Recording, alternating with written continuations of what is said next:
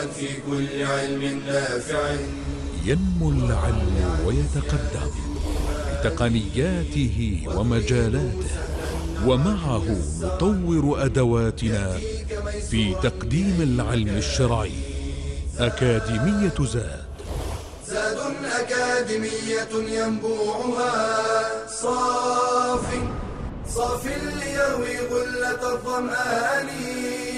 هذه عقيدتنا الصحيحة فطرة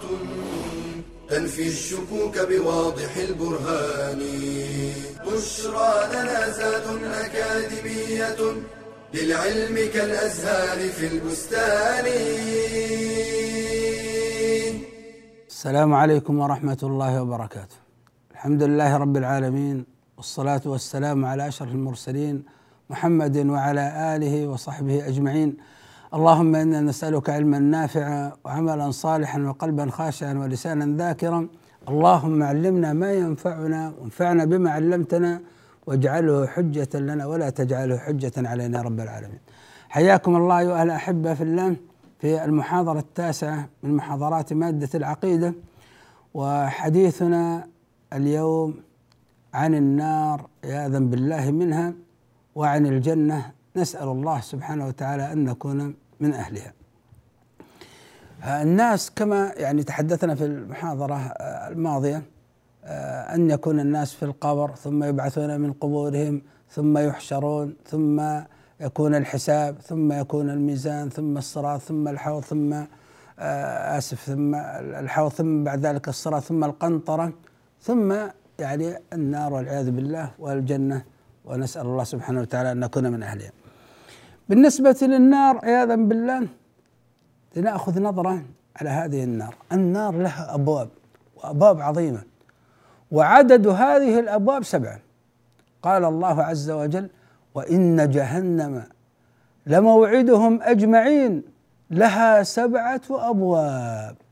لكل باب منهم جزء مقسوم يوزع أهل النار على هذه الأبواب والعياذ بالله عندما يرد الكفار النار تفتح لهم تلك الابواب اوتوماتيك فاذا دخلوها تكامل دخولهم في النار طبعا هم عندما يوصلوا للنار يدفع بعضهم بعضا يقف الواحد منهم الاول ما يريد ان يدخل لكنهم هم يساقون من الخلف تسوقهم الملائكه فيتدافعون يتدافعون حتى يدفعوا هذا الاول فيسقط سقوطا في نار جهنم بعد الباب النار هاويه النار هاوية ليست ممتدة إنما دركات ينزل ويسقط فيها السقوط والعياذ بالله قال الله عز وجل وسيق الذين كفروا إلى جهنم زمرا جماعات حتى إذا جاءوها فتحت أبوابها شوف مباشرة في الجنة قال وفتحت أبوابها هذه تماتك جاءوها فتحت أبوابها وقال لهم خزنتها ألم يأتكم رسل منكم يتلون عليكم ايات ربكم وينذرونكم لقاء يومكم هذا قالوا بلى ولكن حقت كلمه العذاب على الكافرين قيل ادخلوا ابواب جهنم خالدين فيها فبئس مثوى المتكبرين ادخلوا ابواب جهنم يعني هؤلاء خزنه النار يرون ماذا في, في, في النار والعياذ بالله فيقولون لهم يعني لماذا لم تؤمنوا لماذا ما جاءتكم الرسل ما جاءتكم البينات لماذا أنتم تكفرون بالله لماذا تجحدون نعم الله لماذا تتكبرون عن عبادة الله فيقولون كذا حقت كلمة العذاب على الكافرين قيل ادخلوا أبواب جهنم خالدين فيها فبئس مثوى المتكبرين فإذا تكامل دخولهم في النار أغلقت عليهم تلك الأبواب هذا الإغلاق أصلا لا يحتاجون ما يستطيع الخروج لكن هذا الإغلاق لمزيد من العذاب والعياذ بالله عذاب نفسي وعذاب يعني يتكام ما في هواء يدخل لهم إلا هواء النار والعياذ بالله قال الله عز وجل ويل لكل همزة لمزة الذي جمع مالا وعدده يحسب أن ماله أخلده كلا لينبذن في الحطمة وما أدراك ما الحطمة نار الله الموقدة التي تطلع على الأفئدة إنها عليهم مؤصدة في عمد ممددة هذه الأبواب عمد ممددة وتغلق عليهم والعياذ بالله تعال آه، ننظر إلى النار والعياذ بالله النار واسعة واسعة جدا هي هاوية وواسعة وقعرها بعيد ومهما ألقي فيها من الكفار النار تقول هل من مزيد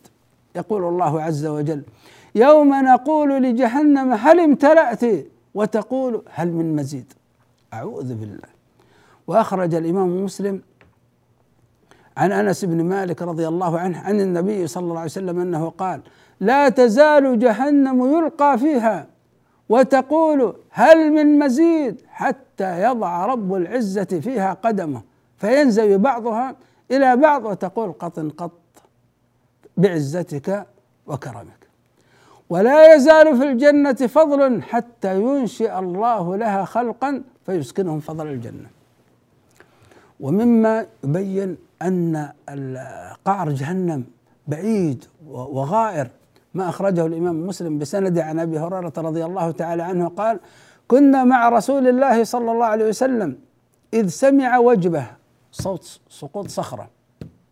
فقال النبي صلى الله عليه وسلم تدرون ما هذا قال قلنا الله ورسوله أعلم قال هذا حجر رمي به هذا حجر رمي به في جهنم منذ سبعين خريفا فهو يهوي في النار فهو يهوي في النار الآن حتى انتهى إلى قعرها له سبعين عام يسقط من أعلى النار إلى آخرها مدة وصوله إلى قعرها سبعين عام سبعين سنة سبعين خريفا هذه النار ما وقودها وقود النار والعياذ بالله الناس والحجارة الناس الكفرة عندما يلقى في النار تشتعل تزداد النار اشتعال والحجارة قال الله عز وجل يا أيها الذين آمنوا قوا أنفسكم وأهليكم نارا وقودها الناس والحجارة قال الله عز وجل فان لم تفعلوا ولن تفعلوا فاتقوا النار التي وقودها الناس والحجاره اعدت للكافرين طيب تعالوا نشوف الشراره الواحده كيف عندما يوقد فيها النار الشراره التي تتطاير ما حجم هذه الشراره حجم هذه الشراره مثل الجمل الشراره الواحده مثل الجمل الشراره الواحده مثل القصر العظيم بالله عياذا بالله يتخيل آه، تخيل هذا المنظر شخص يسقط عليه الشرارة صخرة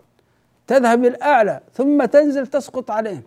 قصر يسقط على رأس إنسان فكيف يكون هذا وهذا مشتعل ونار ملتهبة عياذا بالله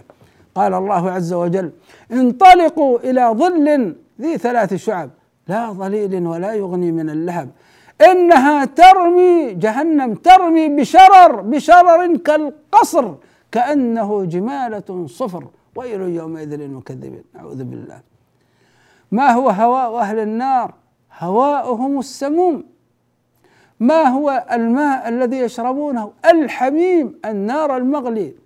ما هو ظلهم ظلهم يحموم دخان يكتم الانفاس والعياذ بالله قال الله عز وجل وأصحاب الشمال ما أصحاب الشمال في سموم وحميم وظل من يحموم لا بارد ولا كريم إنهم كانوا قبل ذلك مترفين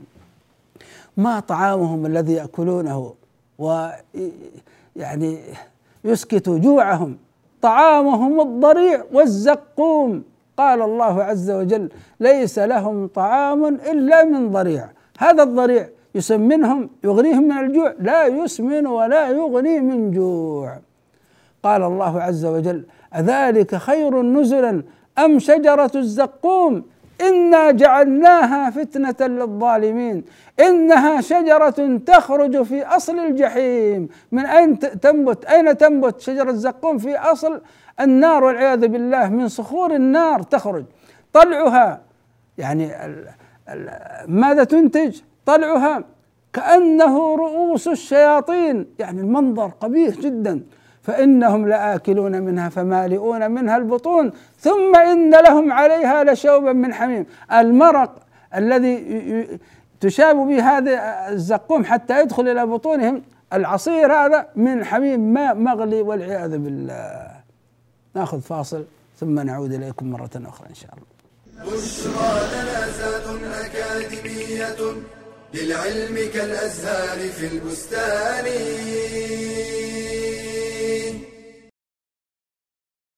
خلق الله الإنسان وجبله على العيش مع الجماعة والتعامل مع الآخرين فهو لا يستطيع العيش وحيدا مهما توفرت له سبل الراحة والرفاهية لذا كانت الصحبة أمرا ضروريا للغاية وقد جاء القرآن والسنة ببيان أهمية الصحبة ومدى خطورتها على الانسان ففي الحديث الرجل على دين خليله فلينظر احدكم من يخالل فالصاحب يؤثر في صاحبه ولا شك فاما ان يؤثر فيه خيرا فيذكره بالله ويامره بالصالحات ويحثه على الطاعات فيكون من اسباب نجاته يوم القيامه واما ان يؤثر فيه شرا فيامره بالخبائث ويحثه على المفاسد ويصده عن ذكر الله تعالى فيكون سببا في ضياعه وهلاكه يوم القيامه قال تعالى ويوم يعض الظالم على يديه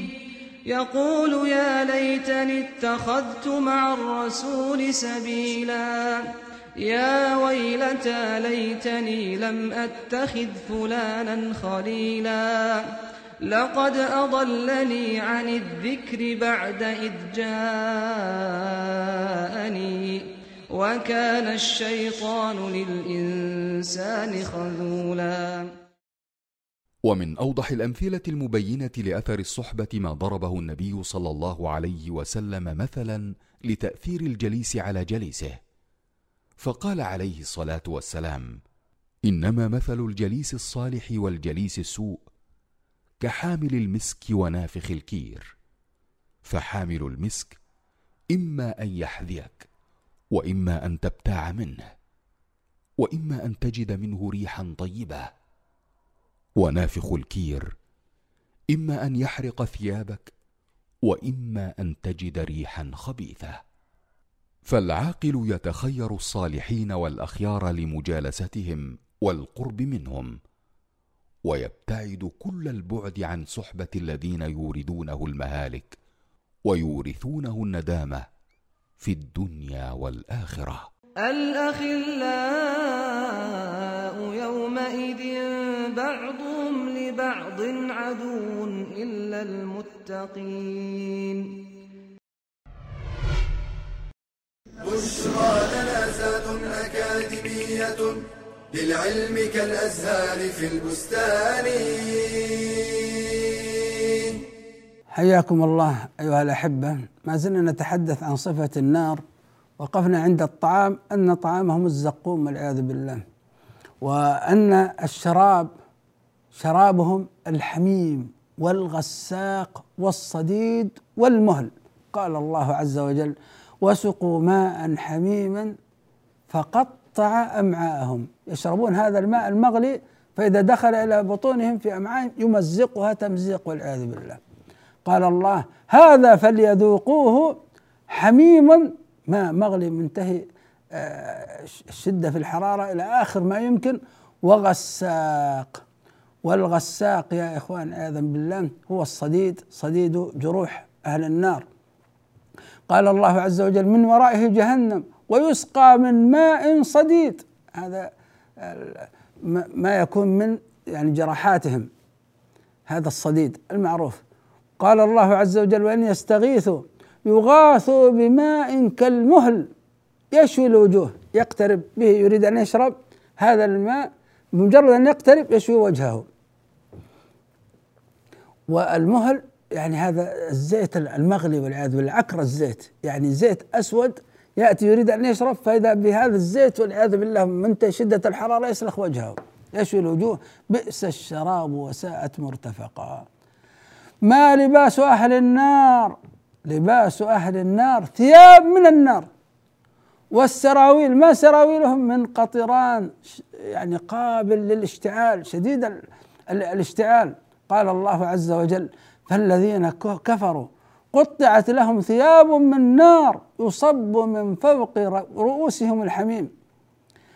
قال الله عز وجل وترى المجرمين يومئذ مقرنين في الاصفاد سرابيلهم من قطران وتغشى وجوههم النار عياذا بالله ما هو انواع العذاب في نار جهنم والعياذ بالله من انواع العذاب انضاج الجلود يعني يوضع على النار حتى تنضج جلودهم ينضج الجلد فكلما نضجت جلودهم بدلهم الله جلودا غيرها يعني هذا يسمى شوي والعياذ بالله إن الذين كفروا بآياتنا سوف نصليهم نارا كلما نضجت جلودهم بدلناهم جلودا غيرها ليذوقوا العذاب إن الله كان عزيزا حكيما يؤتى بالكافر يوم القيامة فيوضع السلك في فمه ويخرج من دبره ثم يشوى في نار جهنم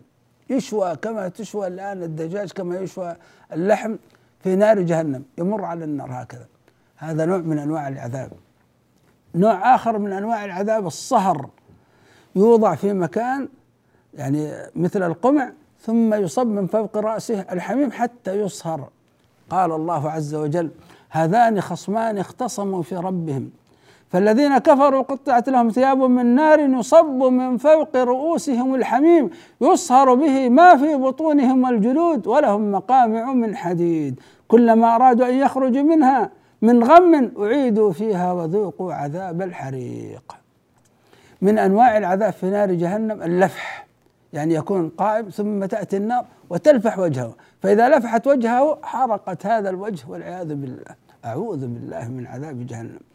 قال الله عز وجل ومن خفت موازينه فاولئك الذين خسروا انفسهم في جهنم خالدون تلفح وجوههم النار وهم فيها كالحون من انواع العذاب التقليب يوضع على وجهه حتى يستوي ويعذب ثم يقلب على ظهره ثم يعاد على وجهه ثم اعوذ بالله ان الله لعن الكافرين واعد لهم سعيرا خالدين فيها ابدا لا يجدون وليا ولا نصيرا يوم تقلب وجوههم في النار يقولون يا ليتنا اطعنا الله واطعنا الرسول. ايضا من انواع العذاب السحب يسحبون في نار جهنم ان المجرمين في ضلال وسعر يوم يسحبون في النار على وجوههم ذوقوا مس سقر. ولذلك ما حالهم يشعرون بالحسره والندامه وهم يرون هذا العذاب الأليم قال الله عز وجل ولو أن لكل نفس ظلمت ما في الأرض لافتدت به وأسروا الندامة لما رأوا العذاب وقضي بينهم بالقسط وهم لا يظلمون يبذل كل شيء يريد أن يبذل كل شيء من أجل خلاص نفسه لكن ما في فائدة إذا رأتهم من مكان بعيد سمعوا لها تغيظا وزفيرا واذا القوا منها مكانا ضيقا مقرنين دعوا هنالك ثبورا لا تدعوا اليوم ثبورا واحدا وادعوا ثبورا كثيرا ايضا من حالهم الصراخ يصرخون والذين كفروا لهم نار جهنم لا يقضى عليهم فيموتوا ولا يخفف عنهم من عذابها كذلك نجزي كل كفور وهم يصطرخون فيها ربنا اخرجنا نعمل صالحا غير الذي كنا نعمل أولم نعمركم ما يتذكر فيه من تذكر وجاءكم النذير فذوقوا فما للظالمين من نصير يطلبون الرجوع مرة أخرى للدنيا لكن هيهات ولو ترى إذ المجرمون ناكسوا عند ناكسوا رؤوسهم عند ربهم ربنا أبصرنا وسمعنا فارجعنا نعمل صالحا إنا موقنون فيه مشهد قالوا ربنا غلبت علينا شقوتنا وكنا قوما ضالين ربنا اخرجنا منها فان عدنا فانا ظالمون قال اخسأوا فيها ولا تكلمون ننتقل ايها الاحبه في الله الى وصف نعيم الجنه نعوذ بالله من النار ونسال الله سبحانه وتعالى الجنه اما الجنه فابوابها ثمانيه قال الله عز وجل وسيق الذين اتقوا ربهم الى الجنه زمرا حتى اذا جاءوها وفتحت ابوابها وقال لهم خزنتها سلام عليكم طبتم فادخلوها خالدين وقالوا الحمد لله الذي صدقنا وعده واورثنا الارض نتبوا من الجنه حيث نشاء فنعم اجر العاملين هذه الابواب ثمانيه باب الصلاة باب الجهاد باب الصيام باب الصدقة وهكذا لكل باب اسم أخرج الإمام البخاري عن أبي هريرة رضي الله تعالى عنه أن رسول الله صلى الله عليه وسلم قال من أنفق زوجين في سبيل الله نودي من أبواب الجنة يا عبد الله هذا خير فمن كان من أهل الصلاة دعي من باب الصلاة ومن كان من أهل الجهاد دعي من باب الجهاد ومن كان من أهل الصيام دعي من باب الريان ومن كان من أهل الصدقة دعي من باب الصدقة فقال أبو بكر رضي الله عنه بأبي أنت وأمي يا رسول الله ما على من دعي من تلك الأبواب من ضرورة فهل يدعى أحد من تلك الأبواب كلها قال صلى الله عليه وسلم نعم وأرجو أن تكون منهم واخرج البخاري بسنده عن سهل بن سعد رضي الله تعالى عنه عن النبي صلى الله عليه وسلم قال في الجنه ثمانيه ابواب فيها باب يسمى الريان لا يدخله الا الصائمون من هو اول الداخلين اول الداخلين هو رسول الله صلى الله عليه وسلم اخرج الامام مسلم بسنده عن انس بن مالك رضي الله تعالى عنه قال قال رسول الله صلى الله عليه وسلم اتي باب الجنه يوم القيامة فأستفتح فيقول الخازن من أنت فأقول محمد انظروا إلى تواضع النبي صلى الله عليه وسلم فأقول محمد فيقول بك أمرت لا أفتح لأحد قبلك ما هي صفة الذين يكونون خلف رسول الله صلى الله عليه وسلم أخرج البخاري بسنده عن ابي هريره رضي الله تعالى عنه قال قال رسول الله صلى الله عليه وسلم ان اول زمره يدخلون الجنه على صوره القمر ليله البدر ثم الذين يلونهم على اشد كوكب دري في السماء اضاءه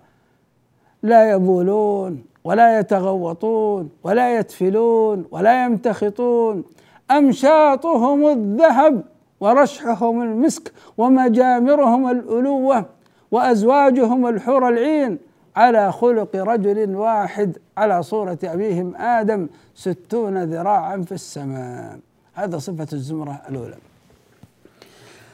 نسأل الله سبحانه وتعالى أن نكون من أهل الجنة أول شيء يصادفك في الجنة أنه لا موت نعيم دائم لا موت شباب دائم لا مرض لا ملل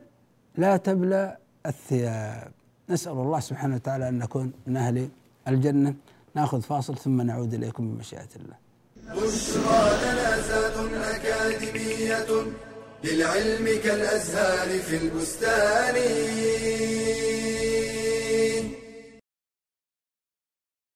هي نصف المجتمع وتلد النصف الآخر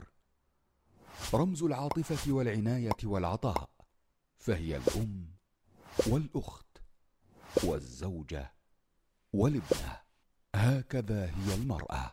ومع هذا فقد تعاملت حضارات وامم سابقه معها على انها رمز شر وشقاء لبني ادم فسلبوها جميع حقوقها الماديه والمعنويه بل في بعض المجتمعات لا يحق لها ان تعيش بعد موت زوجها فتحرق معه وهي حيه فجاء الاسلام وانصف المراه واعطاها كامل حقوقها وعزز مكانتها الحقيقيه اللائقه بها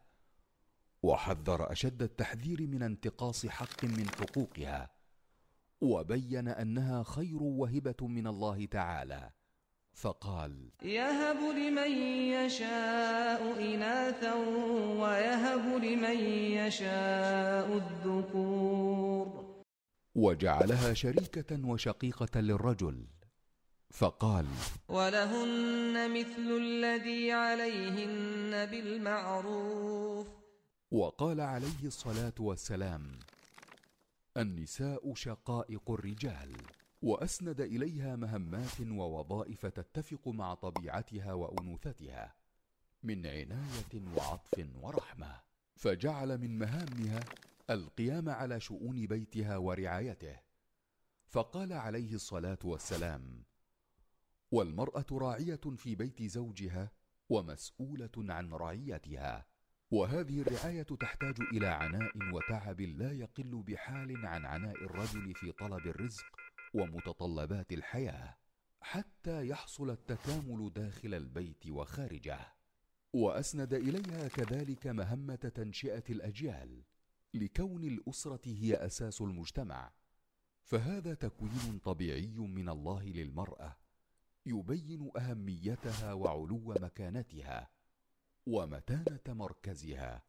في دوره الحياه بشرى جنازات أكاديمية للعلم كالأزهار في البستان حياكم الله أيها الأحبة في الله كما تقدم قبل الفاصل أن الجنة لا موت فيها شباب دائم لا مرض لا ملل لا بلاء للثياب أخرج الإمام مسلم بسنده عن ابي سعيد الخدري وعن ابي هريره رضي الله تعالى عنهما عن النبي صلى الله عليه وسلم قال ينادي مناد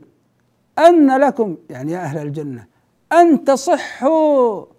فلا تسقموا ابدا الله اكبر يا اخوان صحه دائما وان لكم ان تحيوا فلا تموتوا ابدا وان لكم ان تشبوا فلا تهرموا ابدا يعني شباب دائم وإن لكم أن تنعموا فلا تبتئسوا أبدا تنعموا فلا تبتئسوا أبدا نعيم دائم لا بؤس وأخرج الإمام مسلم عن أبي هريرة رضي الله عنه عن النبي صلى الله عليه وسلم قال من يدخل الجنة ينعم لا يبأس لا تبلى ثيابه ولا يفنى شبابه يجب يا إخوان أن يكون عندنا يقين بهذا النعيم يقين لا شك فيه البته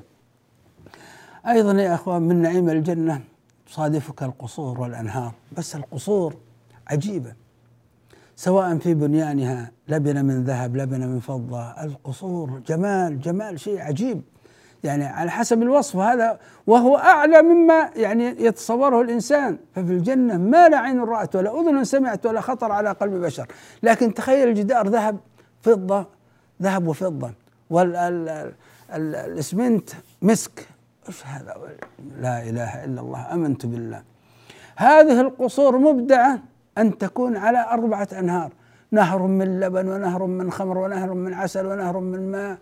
ايش هذا القصر المبدع وايش هذا الجمال العجيب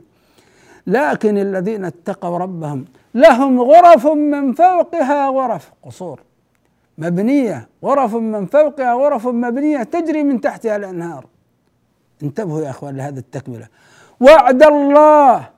لا يخلف الله الميعاد يا أهل التقوى الله عز وجل يقول وعد لكم هذه القصور وعد لكم منه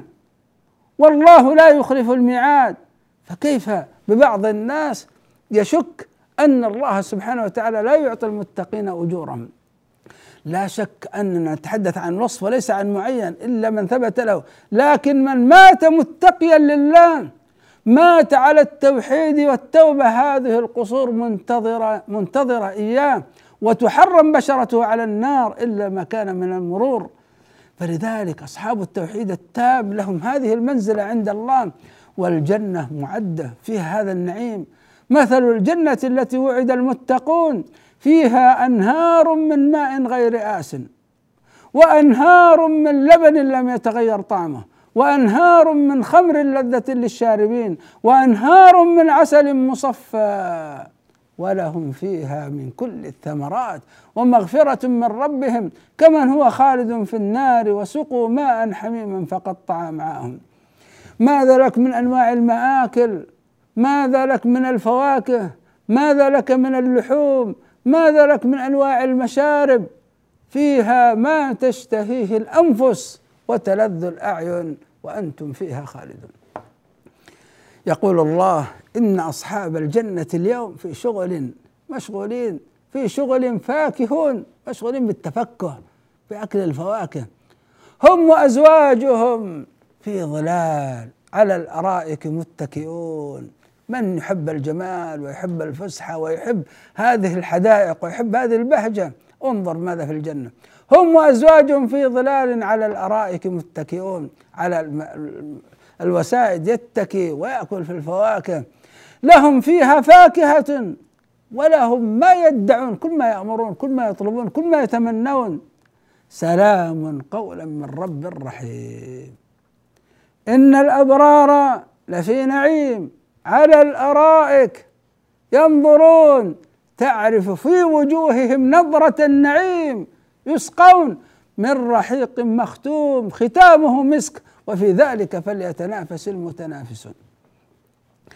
ختامه مسك وفي ذلك فليتنافس المتنافسون ومزاجه ايضا حتى هذا الرحيق المختوم ممزوج مزاجه من تسنيم عينا يشرب بها المقربون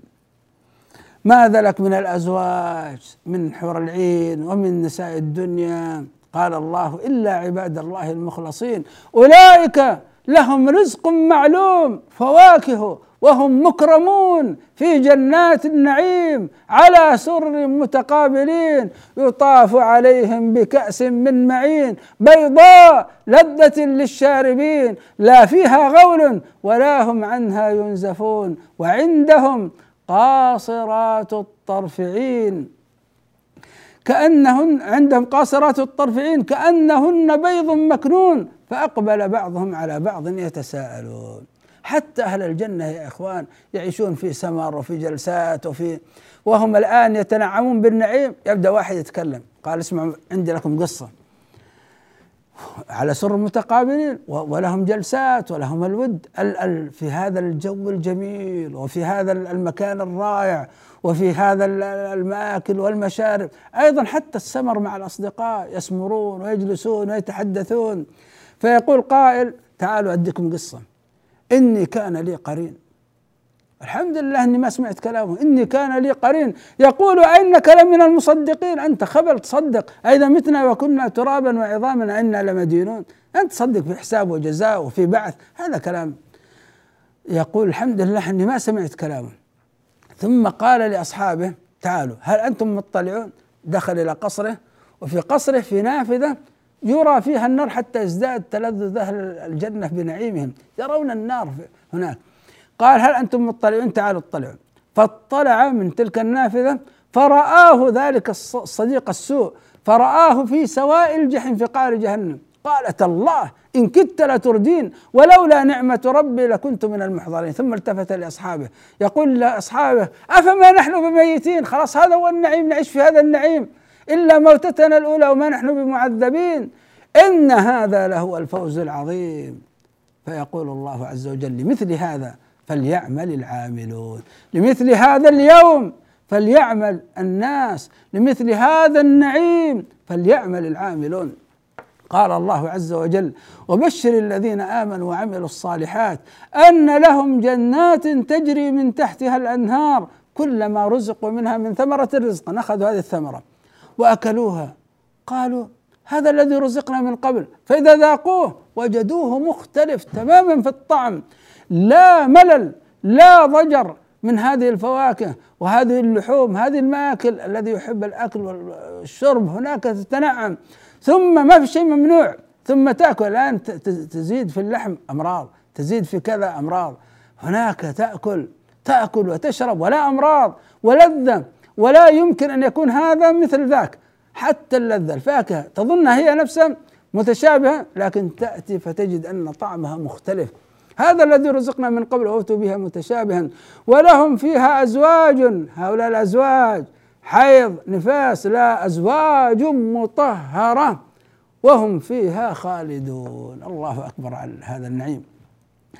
وهناك نعيم أعظم من هذا كله ما هو هذا النعيم الذي هو اعظم من ذلك القصور والماكل والمشارب والانهار والجلسات والخيام والنعيم هذا كله هناك ما هو اعظم ما هو اعظم ان تنظر الى وجه الله نسال الله عز وجل ان يرزقنا هذا النعيم كما نحن نعبد الله سبحانه وتعالى اليوم بالغيب ونضع جباهنا على الارض عبودية له نسأله سبحانه وتعالى أن أن يجعلنا نتلذذ بالنظر إلى وجهه في غير ضراء مضرة ولا فتنة مضلة أخرج الإمام مسلم عن صحيب عن النبي صلى الله عليه وسلم قال إذا دخل أهل الجنة الجنة قال يقول الله تبارك وتعالى تريدون شيئا أزيدكم فيقولون ألم تبيض وجوهنا ألم تدخلنا الجنة وتنجنا من النار قال فيكشف الحجاب فما اعطوا شيئا احب اليهم من النظر الى ربهم عز وجل ويحل الله عز وجل عليهم رضوانه اخرج البخاري بسنده عن ابي سعيد الخدري رضي الله عنه قال قال رسول الله صلى الله عليه وسلم ان الله يقول لاهل الجنه يا اهل الجنه يقولون لبيك ربنا وسعديك فيقول هل رضيتم فيقولون وما لنا لا نرضى وقد اعطيتنا ما لم تعطي احدا من خلقك فيقول انا اعطيكم افضل من ذلك قالوا يا رب واي شيء افضل من ذلك فيقول احل عليكم رضواني فلا اسخط عليكم بعده ابدا الله اكبر يا اخوان نسال الله سبحانه وتعالى ان يرزقنا الجنه ونعيمها وان يجعلنا من السابقين وأن يجعلنا سبحانه وتعالى من أهل الجنة أسأل الله سبحانه وتعالى أن يرزقنا إيمانا صادقا وأن يرزقنا العمل الصالح فإنه بالإيمان وبالعمل الصالح يدخل يدخل الله سبحانه وتعالى الإنسان جنته ورضوانه اللهم ارزقنا الإيمان الصادق والعمل الصالح نسأل الله سبحانه وتعالى بأسمائه الحسنى وصفاته العلى أن يغفر ذنوبنا وأن يستر عيوبنا وأن يتجاوز عن ذنوبنا وخطايانا وإلى محاضرة قادمة بمشيئة الله أستودعكم الله وصلى الله وسلم وبارك على عبده ورسوله محمد وجزاكم الله خيرا يا راغبا في كل علم نافع متطلعا لزيادة الإيمان وتريد سهلا النوال ميسرا يأتيك ميسورا بأي مكان زاد